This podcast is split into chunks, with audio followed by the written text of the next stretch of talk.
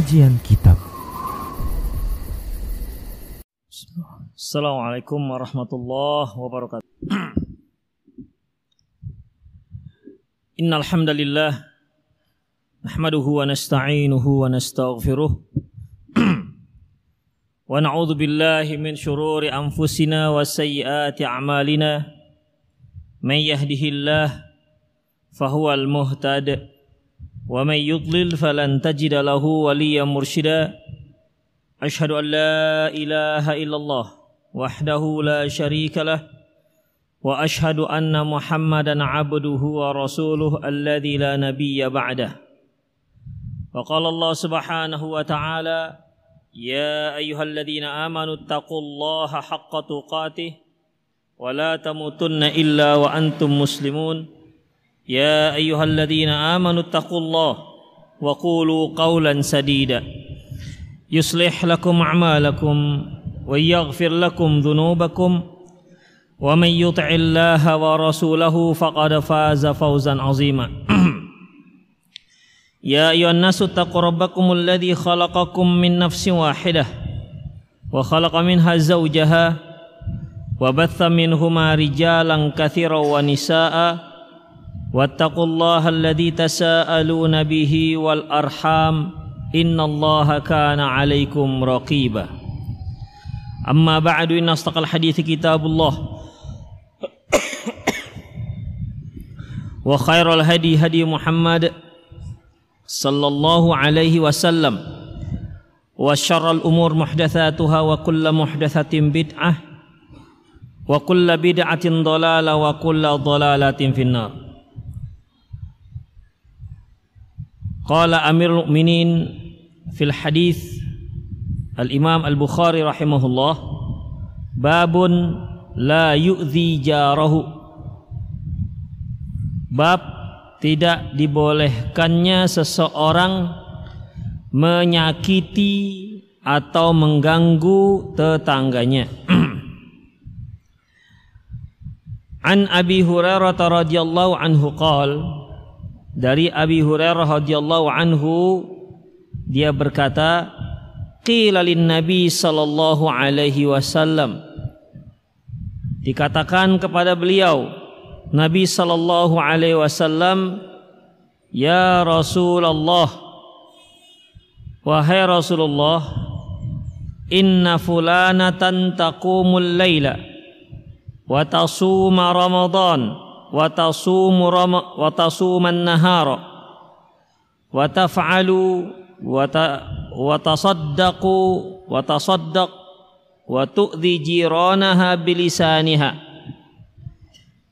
Rasulullah ada seorang wanita dia rajin salat malam. Dia juga rajin puasa pada siang harinya. Wa dan melakukan itu semua. Wa tasaddaq dia juga rajin bersedekah. Tetapi wa tu'dhi jiranaha bilisaniha. Tetapi dia masih suka menyakiti tetangganya dengan lisannya. Faqala Rasulullah sallallahu alaihi wasallam la khaira fiha tidak ada kebaikan yang diharapkan darinya hiya min ahlin nar dia termasuk penduduk neraka. Qalu sahabat lain mengatakan wa fulanatun tusallil maktubah. Tetapi ada juga wanita fulan, wanita fulana dia salatnya hanya salat yang lima waktu. Wa tasaddaqa bi. Kalaupun dia bersedekah, bersedekahnya hanya dengan sepotong keju. Wala tu'zi ahadan tetapi dia tidak pernah ataupun dia tidak pernah menyakiti siapa pun. Faqala Rasulullah sallallahu alaihi wasallam lantas Rasulullah sallallahu alaihi wasallam menjawab hiya min ahlin nar hiya min ahlil jannah. Dia termasuk penduduk surga inilah hadis ikhafidin yang masih membahas bagaimana sikap kita, bagaimana perlakuan kita, bagaimana akhlak dan tingkah laku kita terhadap tetangga kita yang ada di sekitar rumah kita. Di sini hadis ini seorang bertanya kepada Rasulullah tentang seorang wanita. Wanita ini nggak disebutkan namanya. Inna fulana, si fulan. Ya si fulan. Dalam bahasa Arab kalau kalimat fulan artinya seseorang. Kalau dia fulanah seorang perempuan. Pengganti daripada seorang perempuan. Biasa juga dikatakan inna ahadan ada seseorang tapi lebih banyak menggunakan inna fulanan atau fulana. Ya Rasulullah, ada seorang wanita taqumul laila wa tasumun nahar. Malam hari dia sholat, siang hari dia puasa. Ikhwafiddin, kalau seorang yang rajin beribadah, dia beribadah pada siang hari, itu satu hal yang wajar. Karena memang saat itu adalah saat dia sedang terjaga. Tetapi kalau ada seorang siang hari dia beribadah, siang hari dia puasa, Malam hari dia sholat. Malam hari dia sholat. Ini merupakan kebiasaan ataupun karakter ataupun dakbu orang soleh. Siang dia puasa, malam dia beribadah. Kemudian dia juga rajin bersedekah. Jadi wanita ini wanita yang luar biasa. Ya, wanita yang luar biasa rajin puasa, rajin sholat malam. Jadi dia nggak disebutkan di sini. Wanita ini nggak disebutkan tentang sholat wajibnya, tapi disebutkan tentang puasa sunnah dan sholat sunnahnya. Siang hari dia puasa. Secara implisit maksud orang ini adalah puasa sunnah. Kalau yang dia maksud adalah puasa Ramadan, nggak ada istimewanya. Mengapa demikian? Pada umumnya kaum muslimin melakukannya. Nggak laki, nggak perempuan siang hari Ramadan dia puasa. Karena itu merupakan sebuah kewajiban. Jadi disebutkannya di sini, ya Rasulullah, si perempuan ini, ibu fulan atau si akhwat fulan atau si fulana, siang hari dia berpuasa. Ingat, maksud di sini adalah yang sunnah, bukan yang wajib. Dia menyebutkan sesuatu yang istimewa dari wanita ini. Inna fulana tasumu nahar. Siang hari dia puasa. Watakumu al-lail. Dan siang dan malam hari dia salat. Yang dimaksud lail di sini bukan bukan apa namanya? Bukan salat Isya. Karena semua orang melakukan salat Isya. Yang dimaksud dia adalah sholat malam, sholat tahajud. Dua ibadah ini, khafidin, dua ibadah sunnah yang istimewa. Dua buat ibadah yang istimewa, yaitu tahajud pada malam hari, sholat uh, puasa sunnah pada siang hari. Dalam sebuah hadis Rasulullah SAW menyebutkan barang siapa yang pergi ke masjid di hari Jumat, dia mandi, Kemudian dia bergegas datang pagi-pagi. Kemudian dia mendek, dia berjalan dengan dia pergi dengan berjalan kaki tidak berkendaraan. Lantas dia mendekat ke imam. Dia menyimak apa yang diucapkan oleh khotib. Lantas maka setiap langkah yang dia lakukan dia seperti pahala orang yang sholat malam dan puasa siang hari selama setahun. Ini ibadah yang istimewa. Jarang orang yang melakukannya secara rutin. Sholat malam rutin itu jarang. Ya, puasa sunnah siang hari rutin itu jarang. Demikian, makanya yang disebutkan dalam ini adalah dalam hadis ini yang pahala apa namanya ibadah sunnah-sunnahnya aja. Watasadak. Perempuan ini juga bersedekah. Bukan zakat. Kalau zakat semua orang mengerjakannya karena wajib, bahkan rukun. Watasadak dia juga rajin bersedekah. Tetapi permasalahan wanita ini wati watu jironaha bilisaniha. Permasalahannya Rasulullah, wanita ini rajin beribadah tapi lisannya tajam. Dengan lisannya dia selalu menyakiti tetangganya. Gimana ya Rasulullah ini orang? Tanggapannya kan, ini seperti kita. Ini ibadahnya rajin, kok lisannya tajam? Gitu kan? Ini jilbabnya panjang tapi kok pacaran? Nah gitu gitulah ya. Ini ini kan perlakuan orang soleh amalan soleh. Kok di sini masalahnya? Begitu. Jadi ada suatu hal yang sepertinya kok bertentangan seharusnya orang yang seperti ini lisannya lembut tidak menyakiti orang tapi ini kok aneh itulah yang ditanyakan sahabat tadi kepada Rasulullah Sallallahu Alaihi wasallam. Ini gimana ya Rasulullah? Kok bisa seperti ini? Bagaimana ini orang ini? Faqala Rasulullah sallallahu alaihi wasallam la khaira fiha. Gak ada kebaikan pada wanita ini. Hiya min ahli nar. Dia termasuk penduduk penduduk neraka.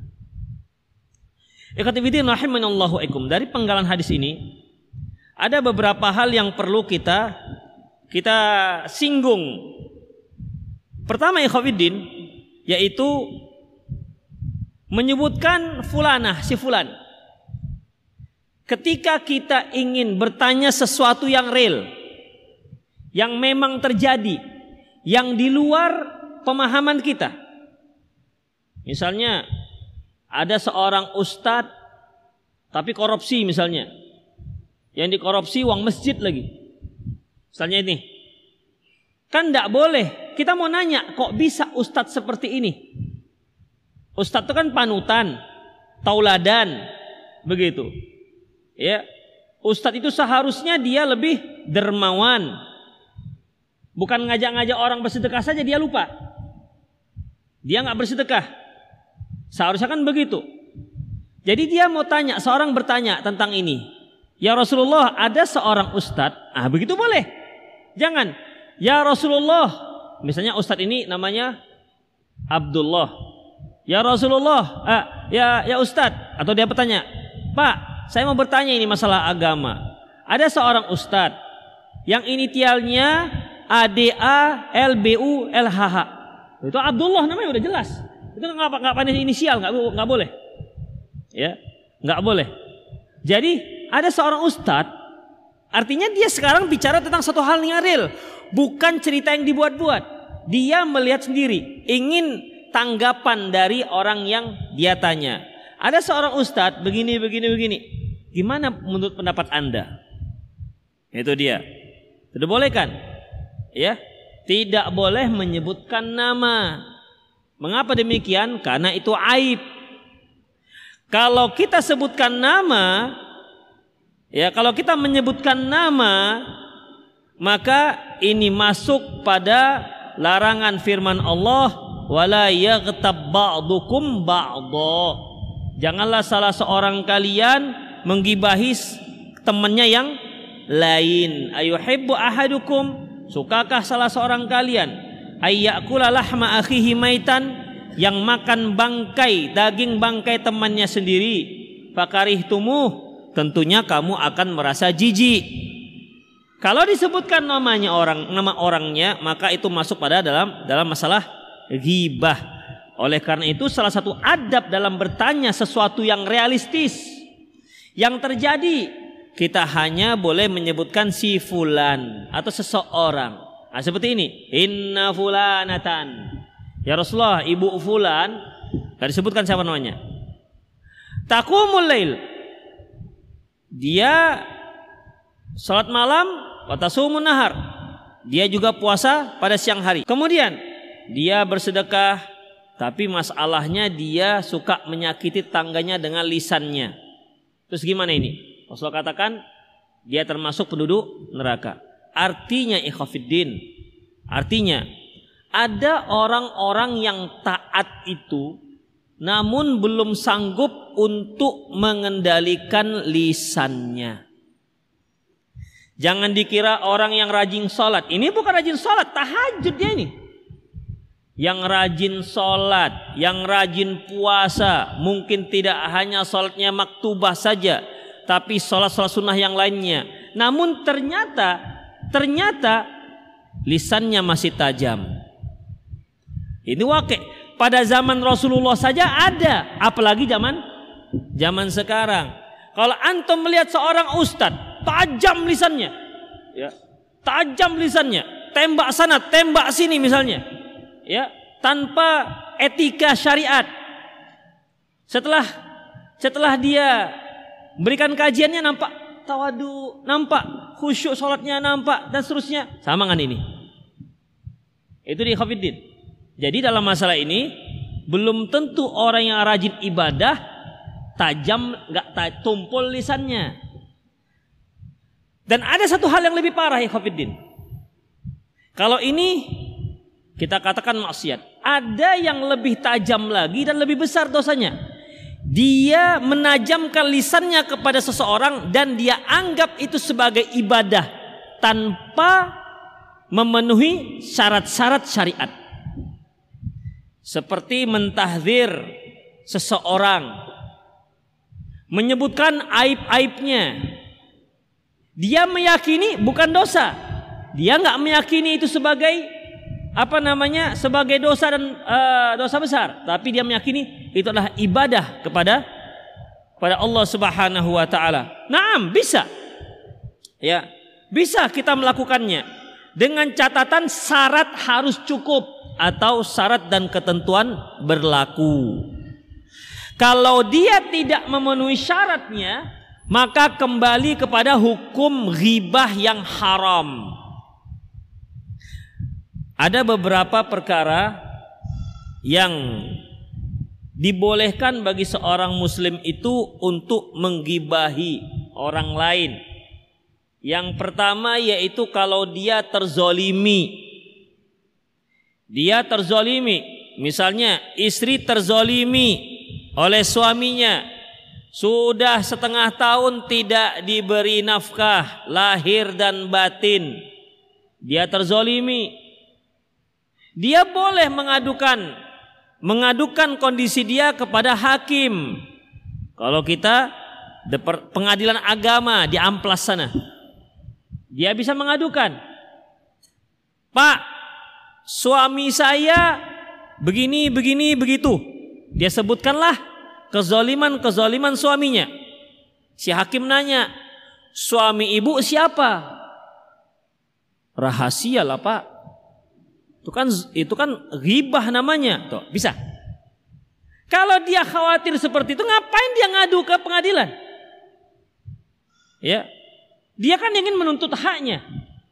Dia ingin menuntut haknya. Sebutkan suami saya fulan, fulan, fulan, fulan. Sebutkan semua ya sampai hakim ini bisa menyurati sang suami dengan tidak salah alamat. Begitu, suami dipanggil, nggak salah. Jangan nanti yang terpanggil suami orang. Betul kamu nggak ngasih makan dia enam bulan? Iya. Lebih pun pak. Ini siapa? Nggak tahu saya. Repot jadinya. Pak Hakim sudah serius. Ini bukan istri saya pak. Ya wajar saya nggak kasih makan dia. Jadi jangan sampai salah alamat juga. Sebutkan detailnya. Fulan bin Fulan, alamat, ini nomor HP-nya. Alamat yang lengkap biar bisa dipanggil oleh depan apa namanya? pengadilan agama. Boleh dia sebutkan kezoliman-kezoliman, tapi ingat bukan di bukan rekayasa. Kalau rekayasa sudah penipuan namanya. Itu satu kezoliman. Itu contoh. Misalnya nih, uh, tanah antum diambil tetangga satu meter misalnya berpindah patok tanah ini kok pindah? Iya ini pergerakan bumi. Bergerak katanya bumi. Jadi bagaimana ya Khofiddin? Dia bisa dia mengadu boleh mengadukan kepada misalnya aparat setempat. Pihak yang berwenang. Pak tolong selesaikan. Tetangga saya telah mengambil eh, tanah saya semeter. Saya punya surat. Dia kita minta suratnya tidak mau nunjukkan. Tolong selesaikan Pak. Siapa tetanggamu? Sebutkan. Dan itu tidak termasuk dalam gibah. Itu yang pertama. Yang kedua yaitu al-isti'anah ala taghil munkar waradul ma'asi. Meminta tolong kepada seseorang untuk menghilangkan sebuah kemungkaran atau kemaksiatan. Misalnya ini, antum mendengar ada dua orang, tiga orang kumpul. Besok kita akan bunuh bapak itu. Kemungkaran nih. Kita dengar. Kita tahu orangnya. Kita laporkan kepada pihak yang berwajib. Pak, ini saya tadi malam atau tadi sore saya mendengar ada tiga orang yang berkomplot mau membunuh si Fulan. Tolong Pak diselesaikan. Siapa Fulannya? Nah itu dia nggak boleh Pak. Karena gibah. Kan nggak bisa kan? Kan nggak bisa. Sebutkan fulan, fulan, fulan. Jadi dia dipanggil. Ya. Jadi dia dipanggil.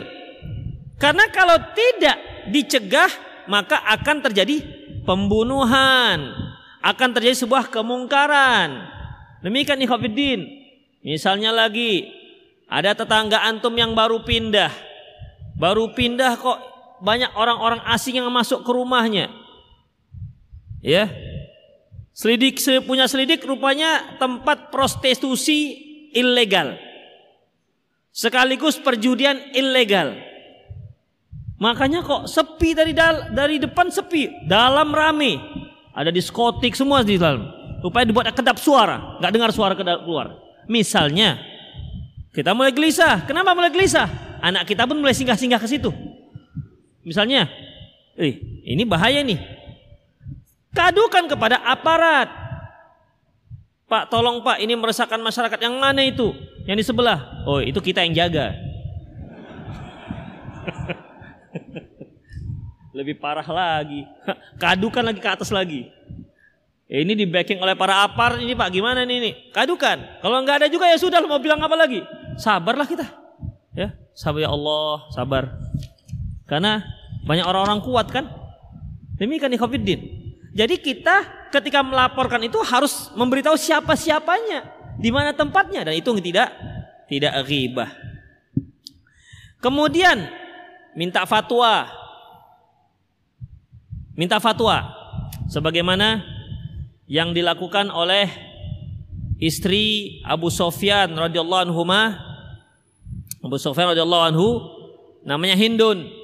Kata Hindun radhiyallahu anha kepada Rasulullah, "Ya Rasulullah, Inna Abbas Sofyan rojulun syuhha. Ya Rasulullah, Abu Sofyan itu seorang suami yang pelit. La yu'tina, la yu'tini ma yakfi, ma yakfini wa waladi. Tidak memberiku nafkah yang cukup untukku dan anak-anakku. Kalimat pelit yang dimaksud adalah dia punya uang cukup tapi tidak memberi nafkah yang cukup. Itulah kata-kata suha. Pelit ini kan ikhwafidin dia punya tapi nggak beri, kan itu dia. Orang yang nggak punya, kita minta nggak ngasih. Pelit nggak dia? Saya nggak punya ini, nggak punya duit. Duit di kantong saya lima ribu. Anda datang, Ustaz. Boleh minjam duit sepuluh ribu? Aduh, nggak bisa lah. Oh, pelit Ustaz. Gimana nggak punya? Yang dikatakan pelit itu adalah kita punya tapi tak diberi. Kan biasa orang yang nggak diberi pelit katanya kan? Ya kan? Biasanya begitu. Nggak ada orang yang memberi, pang, boleh minjam uang sekian, boleh nih. Pelit kali aku kan? Pelit kan? Kan nggak ada. Biasanya yang mengatakan pelit itu dia minta tak dikasih, pelitlah dia. Tapi coba diberi, baru hilang pelit kata kata pelitnya. Kasih sekali, dua kali, tiga kali, dikasih keempat kali, keempat kali minta, nggak dikasih, pelit lagi. Itulah ancaman teror orang yang kalau minta orang, pelit kali. Kemarin aku dikasihnya, masa hari nggak dikasihnya? Pelit kali memang dia. Ya Allah. Ya. Jadi inna Aba Sofyan rajulun syuh. Rajulun syuh yang pelit. Gak memberi nafkah yang cukup untukku dan untuk anakku. Pertanyaannya ya Rasulullah, pertanyaannya, boleh nggak aku ambil uangnya tanpa seizin dia? Apa kata Rasulullah? Silakan khudhi ma yakfiki wa waladaki bil ma'ruf. Oh, kalau memang seperti itu, orangnya pelit, dia punya uang tapi tapi tidak memberi nafkah yang cukup, Boleh kamu ambil diam-diam tanpa seizinnya. Itu bahasa halusnya. Bahasa kasarnya boleh kamu curi. Itu dia. Boleh kamu kan mengambil sesuatu tanpa izin apa namanya? Curi kan? Boleh kamu mencuri yang cukup untukmu dan untuk anakmu. Untukmu dan untuk anakmu. Gimana? Bil ma'ruf yang se apa namanya? sekedarnya, yang secukupnya. Begitu. Yang secukupnya apa? Yang untuk kebutuhan hari-hari. Apa kebutuhan rumah tangga hari-hari? Beras, misalnya uang sekolah, uang transport anak-anak, apa lagi? Sabun, apa lagi? Tas termasuk tas. Tas. Ya Rasulullah, pelit kali dia Rasul. Kenapa? Enggak dikasihnya aku tas. Enggak termasuk, karena itu bukan bukan kebutuhan primer. Enggak pakai tas bisa, pakai plastik asoy masih bisa ditenteng. Taib. Apalagi pokoknya kebutuhan-kebutuhan yang pokok. Begitu. Jadi bukan diambil untuk apa? Untuk shopping. Shopping nggak apa-apa asalkan beli beras nggak masalah. Ya. Tapi kalau shopping nanti hanya beli brusnya kurang tiga atau beli apa namanya beli kepingin pengin ma makan bakso granat, kepingin makan apalah begitu kepingin makan masakan Thailand Rasulullah. Pak, saya kepingin makan masakan Thailand, tapi suami saya pelit kali nggak mau ngasih. Bisa kita kasihkan fatwa? Ambil bu, diam-diam, bisa? Bisa? Nggak bisa. Karena itu bukan kebutuhan pokok. Makanya khudhi mayak fiki wawaladaki bil ma'ruf. Ambillah yang cukup untukmu dan untuk anakmu. Makanya Ikhwafiddin, di sini Indun radhiyallahu anha menyebutkan nama. Ya Rasulullah sesungguhnya Abu Sofyan Abu Sofyan seorang yang pelit. Kan disebutkan nih. Ini nggak termasuk ghibah. Karena apa? Karena minta fatwa. Dan itu juga suami dia sendiri. Tapi akan lebih baik kalau seandainya tanpa menyebutkan identitas kita bertanya, yang penting kan bukan namanya, tapi yang penting kasusnya. Tanpa menyebutkan identitas, bisa kita sebutkan maka itu lebih utama. Ya, cukup kita dengan menyebutkan kasus yang terjadi, bukan si pemilik kasus. Tapi kadang-kadang penanya ini begini, dia menyebutkan kasus detail sekali. Ustaz, jadi ada seorang ibu tadi pagi dia mau belanja. Padahal Ustadz dia mau beli sayur, sayur seikat, bengle, kemudian beli tempoyak, beli apa nama beli beli uh, beli ikan hanya hanya satu onnya Ustadz. Garam satu, itu aja. Terus suami orang ini marah-marah. Kira-kira siapa yang pemilik berita? Cerita. Hah? Ada seorang ibu cerita. Ustadz, tadi pagi ada seorang ibu. Dia beli sayur seikat. Ikan tiga on bawang dua kilo, bawang tiga on setengah. Ceritanya detail. Ceritanya detail. Kemudian Ustadz tiba-tiba dipukulnya ibu itu dan memar dan memar memar uh, pipinya Ustadz nampak pipinya memar ya jadi dari sini menceritakan sesuatu detail sekali di mana orang sudah bisa nebak itu ibu kan yang terjadi itu kan kasus ibu kan, karena detail. Makanya kalau kita mau merahasiakan siapa pemilik kasus, tidak usah detail-detail kali. Menyebutkan apa namanya bawang dua ounce setengah, sayur satu ikan itu tuh apa? Nggak perlu itu disebutkan. Sebutkan saja kasusnya apa yang akan ditanyakan. Sehingga orang yang ditanyakan, ustadz yang ditanya tidak bisa menebak. Demikian. Supaya lebih jauh dari yang namanya ghibah. Kemudian, jadi boleh ya untuk berfatwa, minta fatwa. Selanjutnya, at-tahdzir al-muslimin nasar yaitu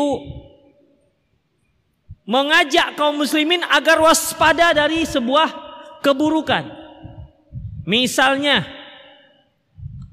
misalnya mulai ada yang suka mencuri dan orangnya sudah diketahui misalnya atau ada pemahaman-pemahaman yang menyimpang yang dibawa oleh Ustadz Fulan yang dibawa oleh orang fulan, kelompok fulan, maka kita boleh mengajak masyarakat untuk untuk berhati-hati dengan ustadz fulan, kelompok fulan, jamaah fulan. Sebutkan alasannya. Itu dia. Sebutkan alasannya. Kenapa? Pemahaman dia, pemahaman kelompok tersebut bisa merusak akidah kaum muslimin. Boleh disebutkan. Tapi ingat di Covidin, ya, dengan syarat-syarat tertentu. Kemudian selanjutnya, boleh juga kita menyebutkan seseorang dikarenakan perbuatan maksiat yang terang-terangan atau bid'ah yang terang-terangan. Misalnya ini, ada orang yang merampok siang hari bolong, tahu orangnya. Kita boleh katakan hati-hati cepulan tadi tadi siang dia merampok di, tem, di tengah orang-orang ramai misalnya, terang-terangan dia melakukannya. Ya. Tidak ada tidak ada lagi malu-malu. Kan Rasulullah katakan, "Kullu ummati mu'afa ilal mujahirun."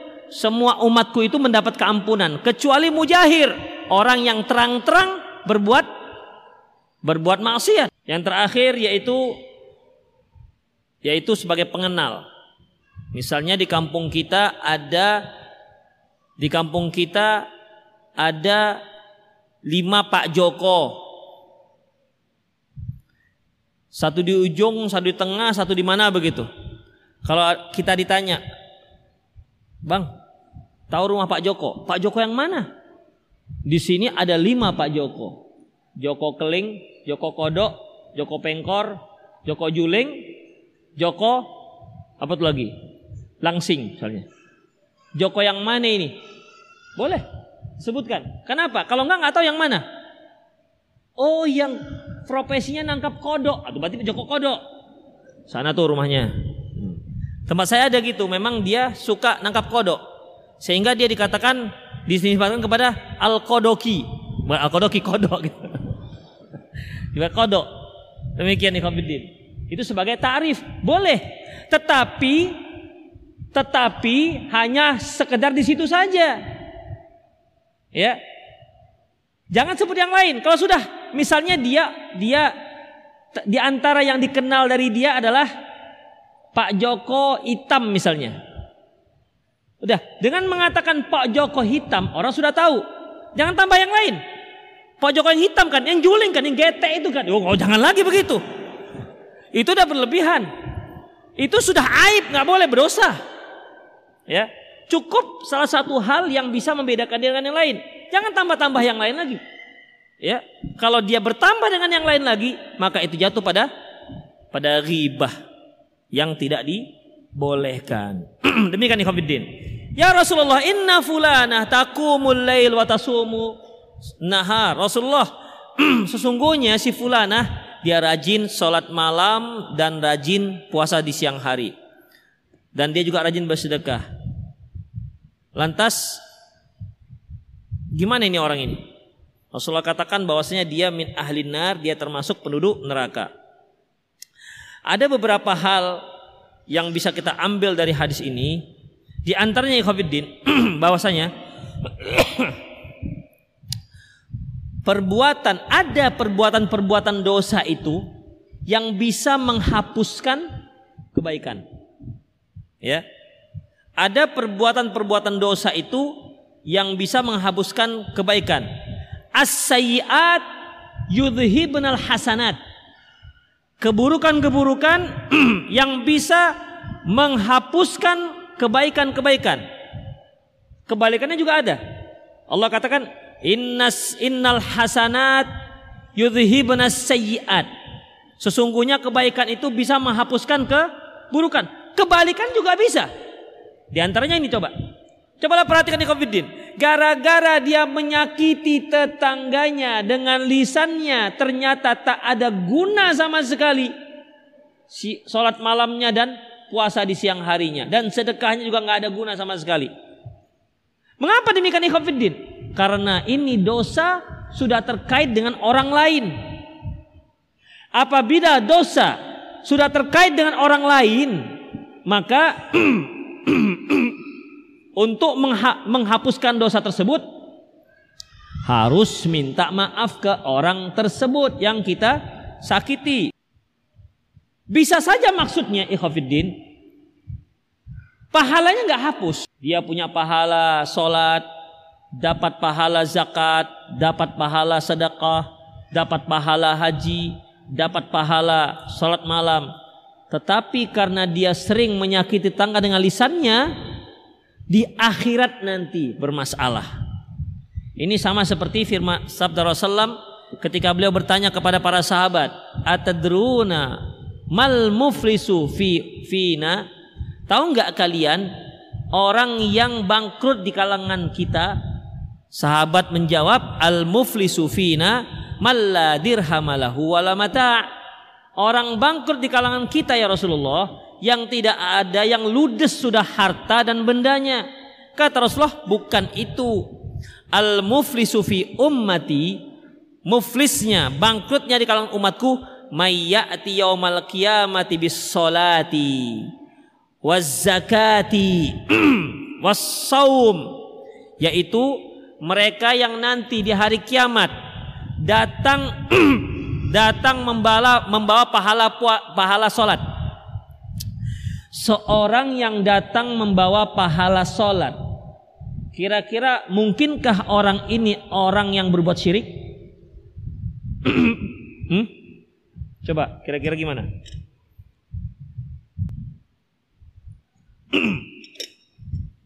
Orang yang di hari kiamat nanti datang membawa pahala sholat, zakat, puasa mungkinkah dia pelaku syirik?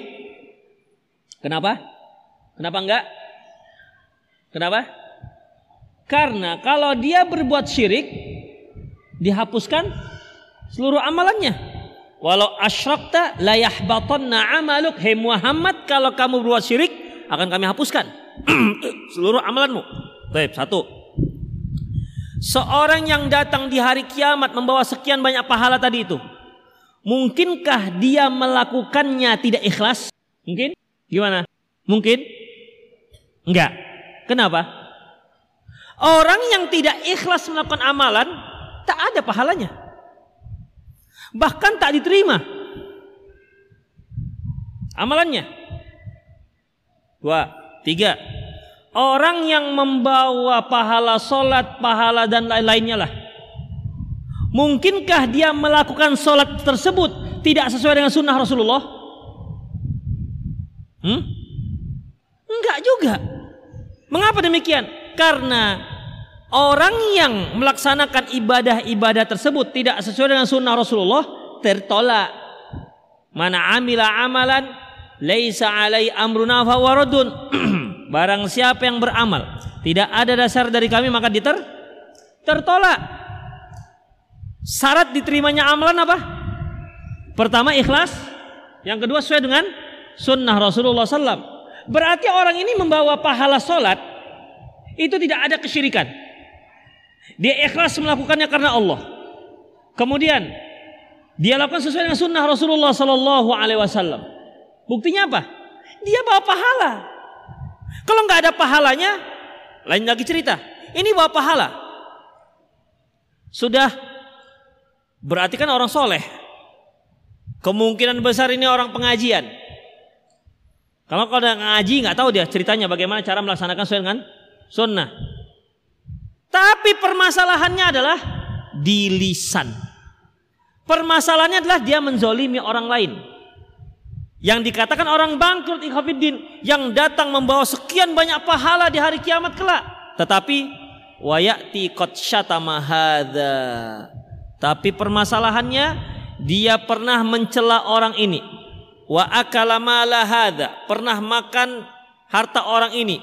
Wa daraba pernah pukul orang ini. Kemudian wasya uh, wa pernah juga me, menumpahkan darah orang ini. Akhirnya apa? Fayu'ti hadha bihasanatihi wa hadha bihasanatihi akhirnya dia membayar dengan pahala-pahala yang dia bawa tadi. Ya, dengan pahala-pahala yang dibawa tadi. Jadi khafiddin rahimahullah wa iyyakum, kezoliman-kezoliman yang di, di, di, dilaksanakan itu menghapuskan pahala-pahala tadi.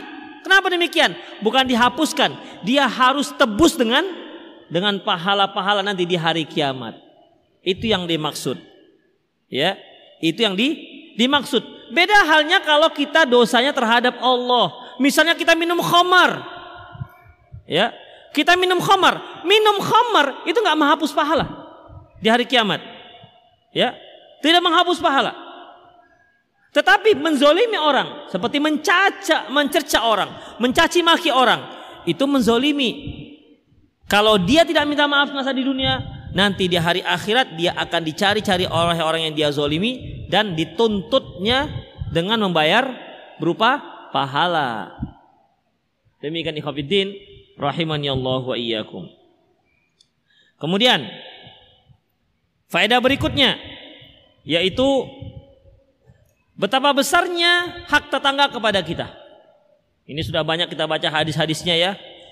Ya, seperti mangkan yu'minu billahi wal yaumil akhir fal yukrim jarahu.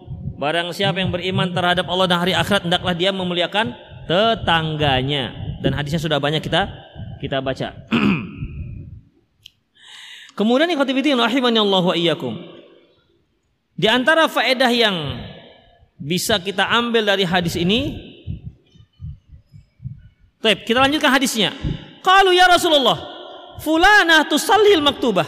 Ya Rasulullah, ada si fulan, ibu fulan, dia sholatnya hanya yang wajib-wajib saja. Wa tasaddaq bi athwar.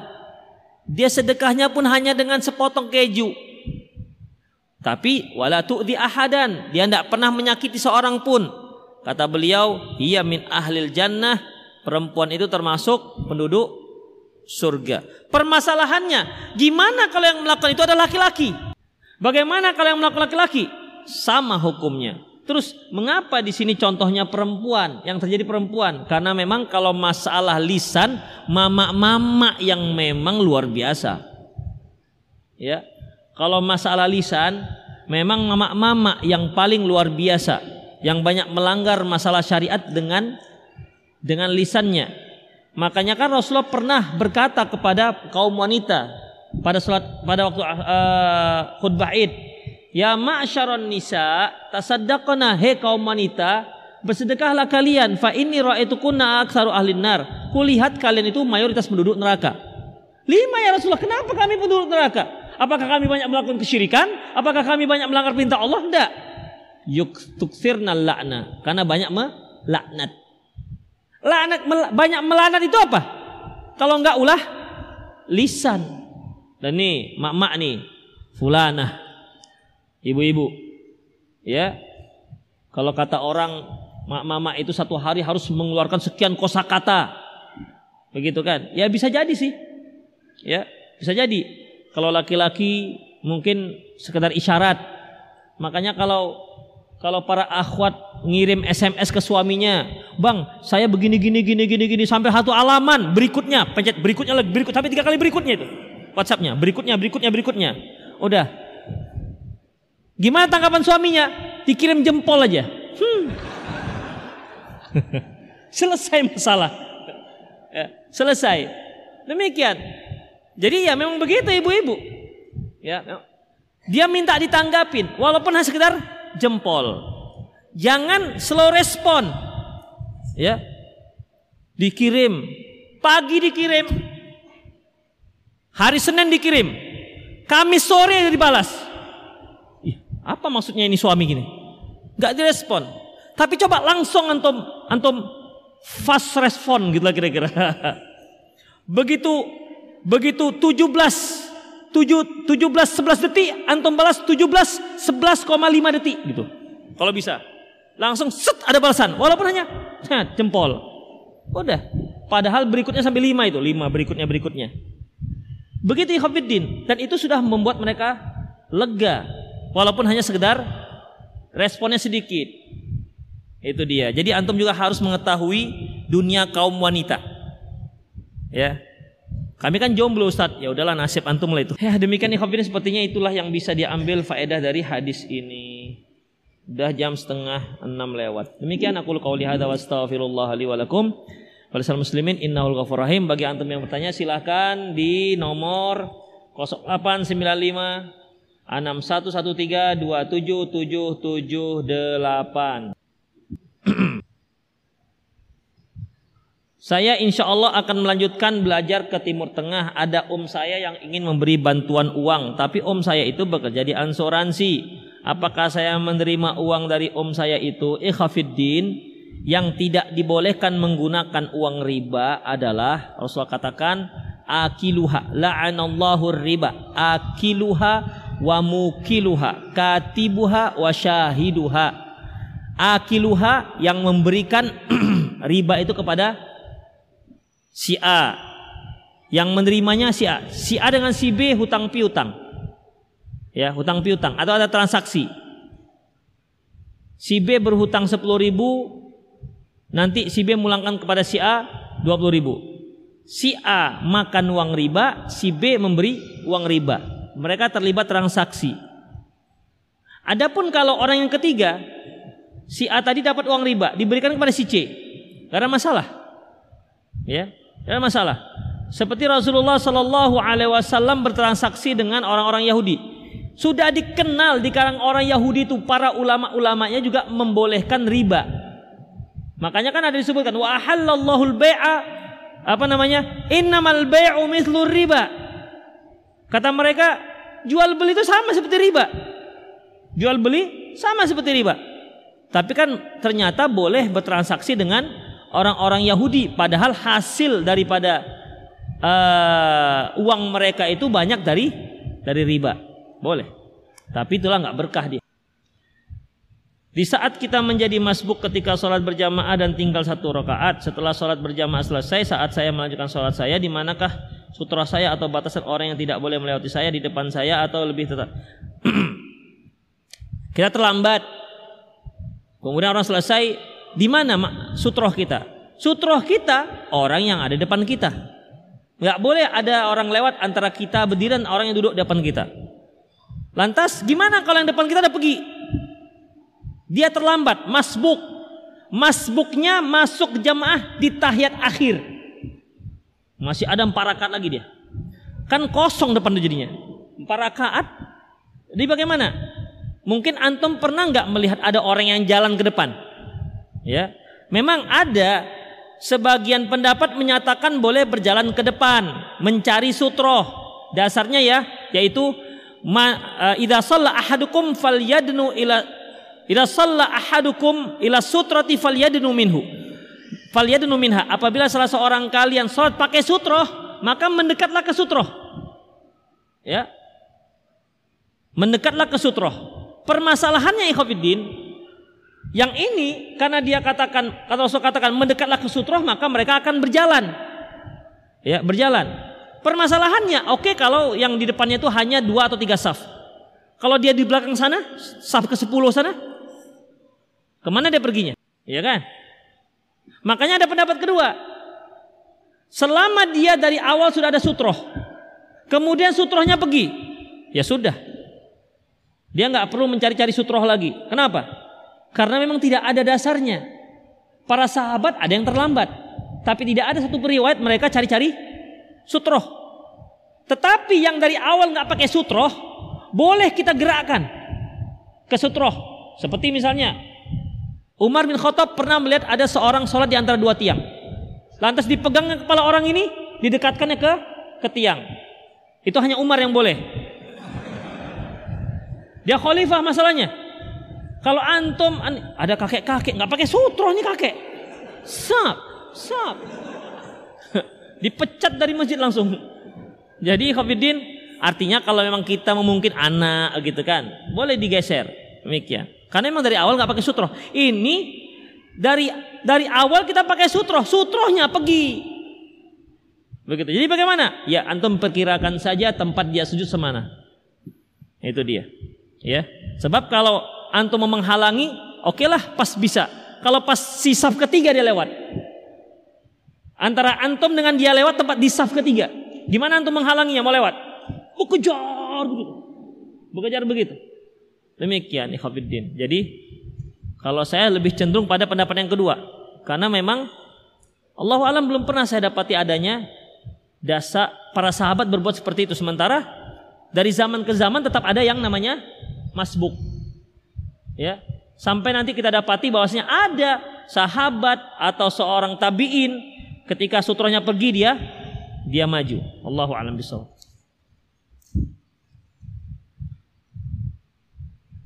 Pengur, paman Ana bekerja pengurus SIM di Siantar. Lan lantas jika ada seorang yang ingin mengurus SIM kepada beliau dikenakan biaya 350 ribu. Niat anak ingin menawarkan kepada teman-teman yang mengubah harga menjadi 400 ribu. Karena anak di Siantar lagi ngurus proses perbuatan SIM. Bolehkah anak melakukan hal itu Bilang aja saya calo itu. Saya calo. Jangan dikiranya kita ikhlas. Ya. Kalau dia tahu dan kalau antum juga yakin dia nggak bermasalah, maka nggak ada masalah. Tapi kalau dia mengira antum orang yang ikhlas, ini dari matanya ikhlas sekali. Rupanya mengurus SIM 300 ribu, dia minta 600 ribu. Wih. Itu akan membuat pertengkaran. Jadi tinggal gimana cara antum meyakinkan dia aja.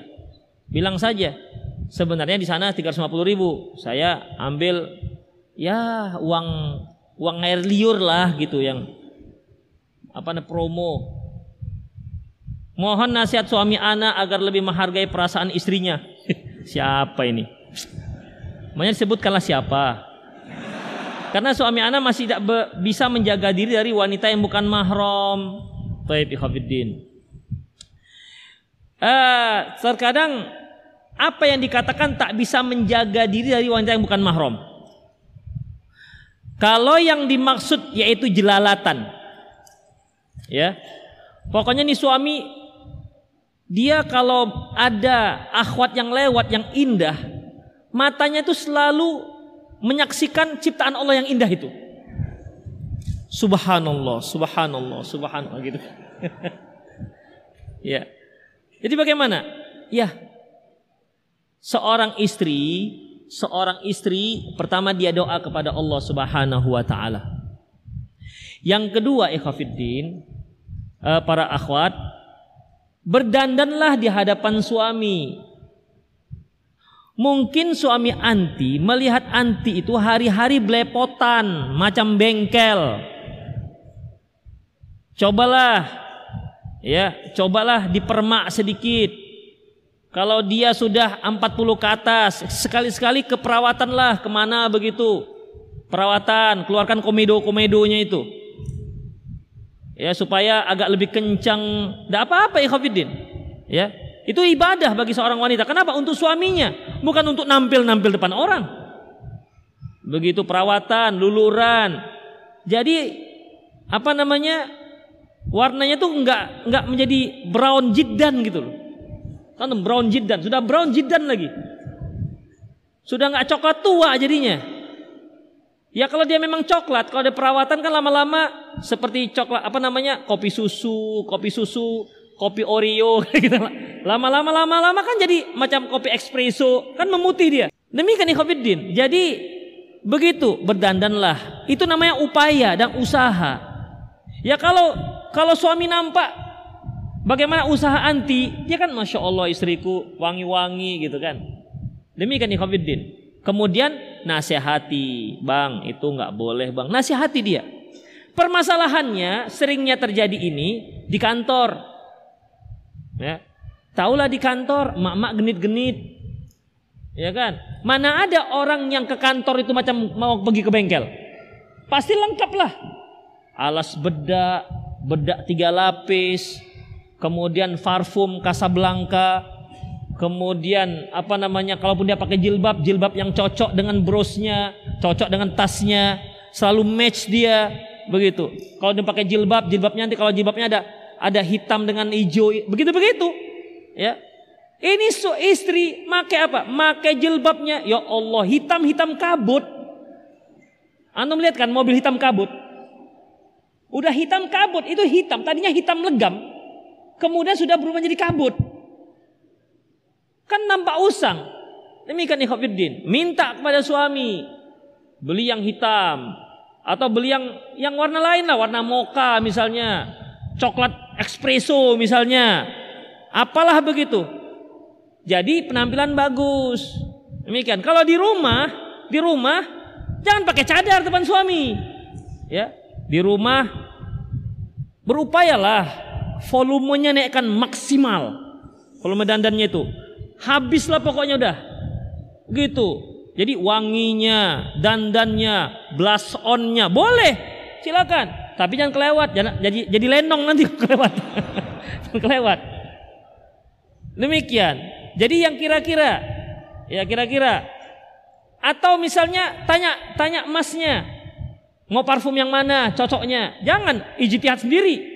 Begitu dia pakai parfum, suami pulang rumah muntah tuh suami. Kenapa nggak suka dia dengan parfum itu? Begitu, Khafiddin. Jadi membuat suami nyaman. Ya para akhwat ya, para istri buatlah suami nyaman. Saingan di luar anti itu banyak loh. Di luar tuh banyak saingan saingan bapak-bapak ini banyak di luar. Saingan anti di luar tuh banyak. Begitu anti lepas, ada lima enam orang yang akan akan bersedia menjadi pendampingnya. Begitu. Jadi jadikanlah diri anti itu sebagai ibadah kepada Allah. Assalamualaikum Ustaz. Baru-baru ini saya pernah menggibahi teman saya secara sengaja. Saya mau minta maaf padanya, namun saya tak tak pernah bertemu lagi dengan dia karena dia teman lama. Saya sewaktu sekolah dulu. Ya sudah antum doakan saja dia ya. Semoga Allah memberikan kebaikan pada dia. Apa hil Ustadz, apa hilang hak ayah sebagai wali dari anak perempuan? Sebab anak perempuan tersebut sudah ditinggalkan oleh ayahnya karena perceraian. Enggak. Bercerai orang tua tidak memutuskan tali silaturahmi antara orang tua dan anak. Makanya sering saya saya singgung apabila ada dua rumah satu rumah tangga akan pecah Mohon para ibu dan bapak jangan ngomporin anak supaya membenci ibu atau ayahnya. Karena kalau dia ngomporin anak, membenci ayahnya itu sama artinya sedang mengajarkan durhaka kepada anak. Demikian juga anak yang dibawa ayah.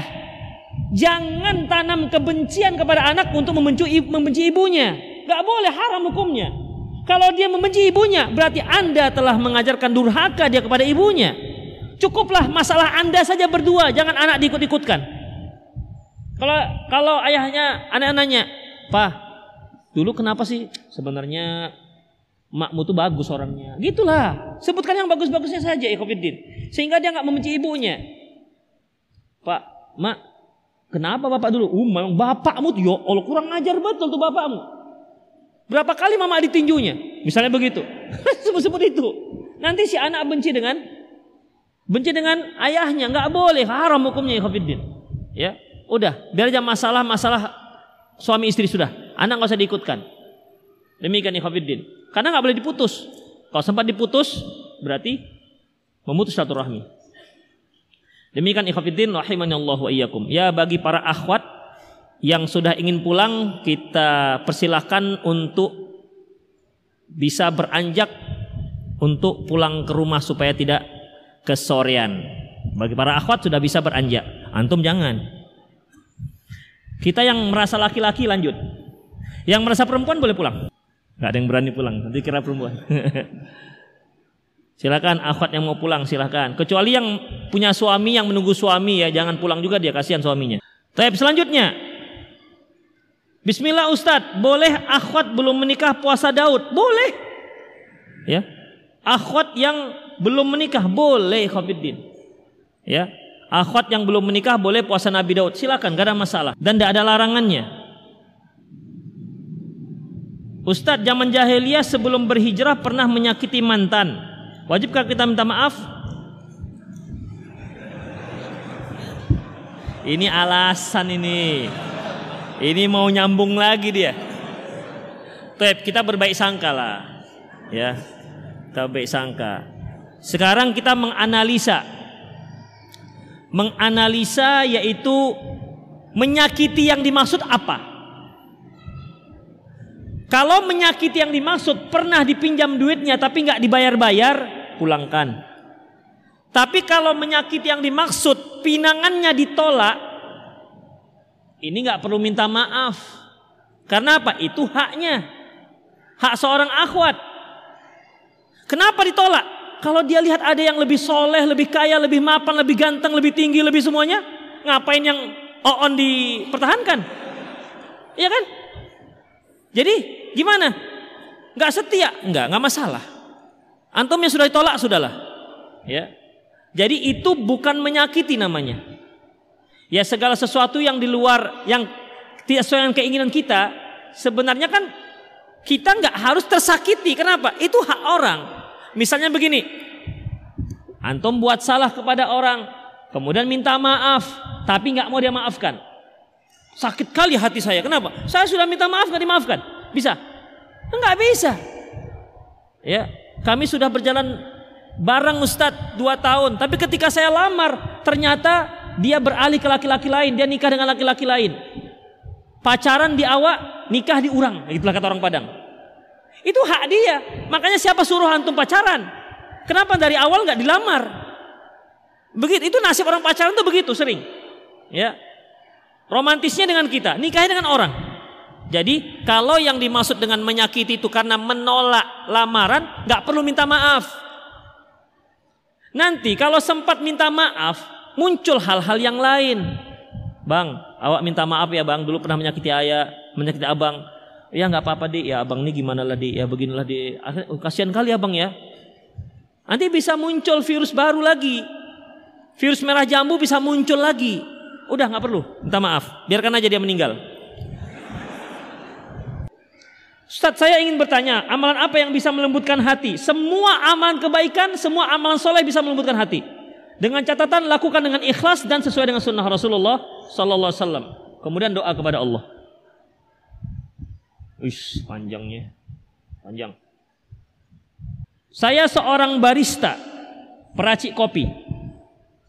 Di tempat saya bekerja, campur baur perempuan laki-laki dan full musik.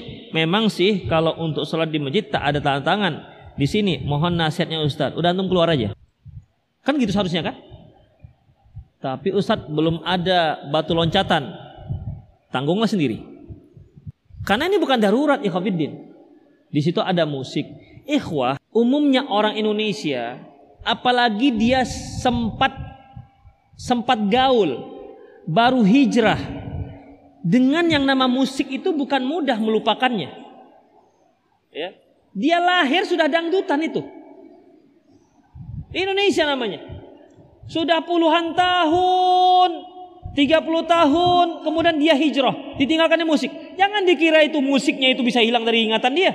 Pergi dia ke mall, begitu begitu satu bait muncul satu apa namanya musiknya, oh ini musik ini nih, hafal kali awak ini. Itu liriknya nggak lupa ya Khofiddin, nggak lupa. Memang lupa, begitu ada dapat pangkalnya, langsung itu. Beda dengan Al-Quran memang. Sudah pernah hafal, dapat pangkalnya, nggak kena juga. Dapat akhirnya, nggak kena juga. Tengahnya, lupa memang semua. Tapi kalau musik-musik, masya Allah, naudzubillah min dzalik. Begitulah ikhwatiddin. Jadi kita benci musik, bisa kita hafal musik, kita bisa hafal lagu. Saya pernah dulu di Kampung Lalang buka steleng jam, apa namanya servis jam, ikut-ikut sunnahnya Asya Albani. Tapi buat jamnya aja, hadisnya enggak.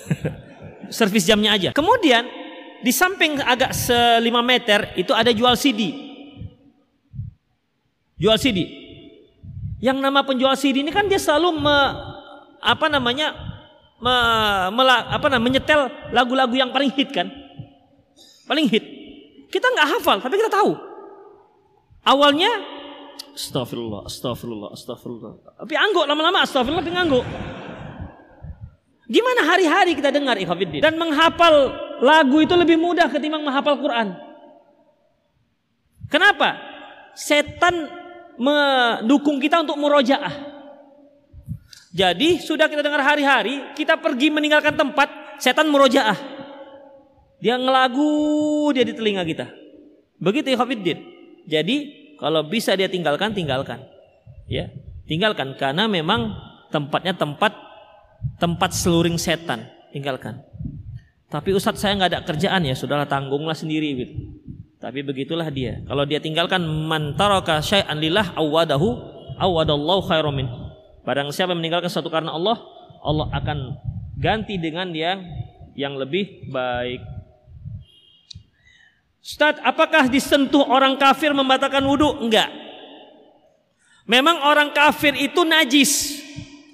Ya, orang kafir najis, orang musyrik najis. Siapa yang mengatakan Allah? Ya ayyuhalladzina amanu innamal musyrikuna najasun. Wahai orang beriman, sesungguhnya orang musyrik itu najis. Fala yaqrabu masjidal haram ba'da amim hada. Janganlah dia dekat-dekat dengan Masjidil Haram sejak tahun ini. Makanya sejak tahun itu tidak dibolehkan lagi orang kafir masuk ke Masjidil Haram bahkan tidak dibolehkan masuk ke tanah haram. Kalau ada orang mau menuju ke Mekah itu biasa itu ada jalan menuju belok ke kanan. Jalan menuju belok ke menuju ke kanan itu jalan khusus untuk orang kafir. Misalnya kita mau ke Jeddah, ke Jeddah mau ke Taif. Itu kalau orang muslim bisa lalu melalui Mekah. Tapi dia melalui jalan yang lain. Menghindari jalur menuju Mekah. Allah mengatakan najis. Orang musyrik najis. Tapi najisnya bukan najis hakiki. Seperti kotoran, air kencing yang kalau kena harus diusap. Dia ada najisnya maknawi. Kalau kita kena najis, cara membersihkan dengan dengan membasuhnya sampai hilang. Tapi kalau kita kalau ada yang terkena najis tadi najis hakiki ya. Kalau najis hakiki mengenai badan kita dibasuh dengan air. Tapi kalau kalau ada yang dia itu najis maknawi untuk membersihkan najis maknawi ini gimana? Masuk Islam. Masuk Islam. Makanya orang muslim itu suci. Ketika Abu Hurairah bertemu dengan Rasulullah di ujung, Abu Hurairah langsung nyelinap. Tak lama kemudian datang lagi Abu Hurairah bertemu dengan Rasulullah. Rasulullah tanya, Abu Hurairah kamu tadi ke mana? Kulihat di ujung jalan kamu ada. Ya Rasulullah tadi saya sedang junub. Saya nggak ingin bertemu anda bertemu dengan anda dalam keadaan junub. Apa kata beliau? Subhanallah al mu'min la yanjus. Subhanallah mukmin itu bukan najis. Jadi walaupun seorang mukmin sedang junub tapi dia tidak dikatakan najis. Demikian. Ya. Iyalah ya confident cukup lah ya. Sampai 6 lewat 5 lah ya. Eh uh, Ustadz untuk mohon nasihatnya untuk pemula berapa kosakata bahasa Arab yang harus dihafal sehari-hari. Saya nggak menganjurkan antum belajar bahasa Arab dengan cara menghafal kosakata. Enggak. Belajar bahasa Arab dengan cara mempelajari buku-buku Arab gundul dengan bimbingan guru. Setiap ada kosakata nggak nggak tahu, tengok di kamus. Sekali nggak tahu, dua kali ketemu ketemu kata yang ketiga, ketemu kata yang sama, keempat, kelima, otomatis antum sudah hafal, insya Allah. Itu ya, itu caranya. Tapi terus be belajar. Tapi kalau hanya belajar satu semester, kemudian sepuluh semester libur, hilanglah. Jadi yang perlu belajar bahasa Arab itu continue. Misalnya antum bu buka buku ya, buku Arab.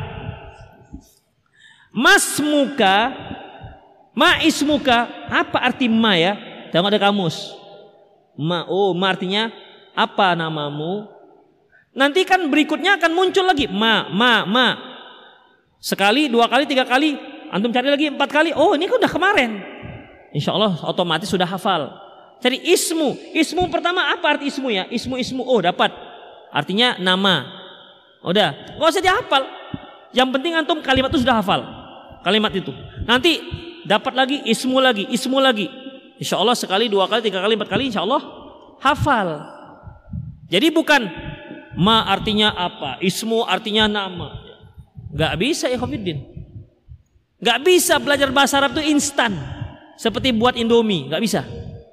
Dia harus continue. Tiga bulan, empat bulan nggak cukup, nggak cukup. Ya, dia harus terus begitu. Antum kira kalau para ustadz-ustadz yang sudah nongol di meja ini lantas dia sudah ngumpuni bahasa Arabnya? Belum. Ya. Bahasa Arab itu sangat dalam, sangat luas. Ya. Demikian ikhwatiddin. Apalagi yang belajar bahasa Arab hanya satu semester. Satu semester berapa lama? Satu bulan. Memang yang daftar di pertama 60, 70. Dua bulan kemudian muntaber. Mundur tanpa berita. Begitu penyakitnya. Kepingin kali awak ini bisa bahasa Arab. Tapi nggak sabar belajarnya. Ikhwafiddin, kalau antum mau bisa bahasa Arab, satu aja, sabar terus belajar, itu aja. Tak usah ngap pakai ngapal-ngapal bahasa, kosakata enggak usah. Yang penting terus saja belajar, insya Allah. Itu dia. Ya. Ya Allah ikhwafiddin, semoga bermanfaat. Aku luka hadza wa astaghfirullah li wa lakum wa muslimin innahul ghafur rahim. Subhanakallahumma wa bihamdik asyhadu an la ilaha illa anta astaghfiruka wa atubu ilaik. Wa akhu da'wana alhamdulillah rabbil alamin. Assalamualaikum warahmatullahi wabarakatuh.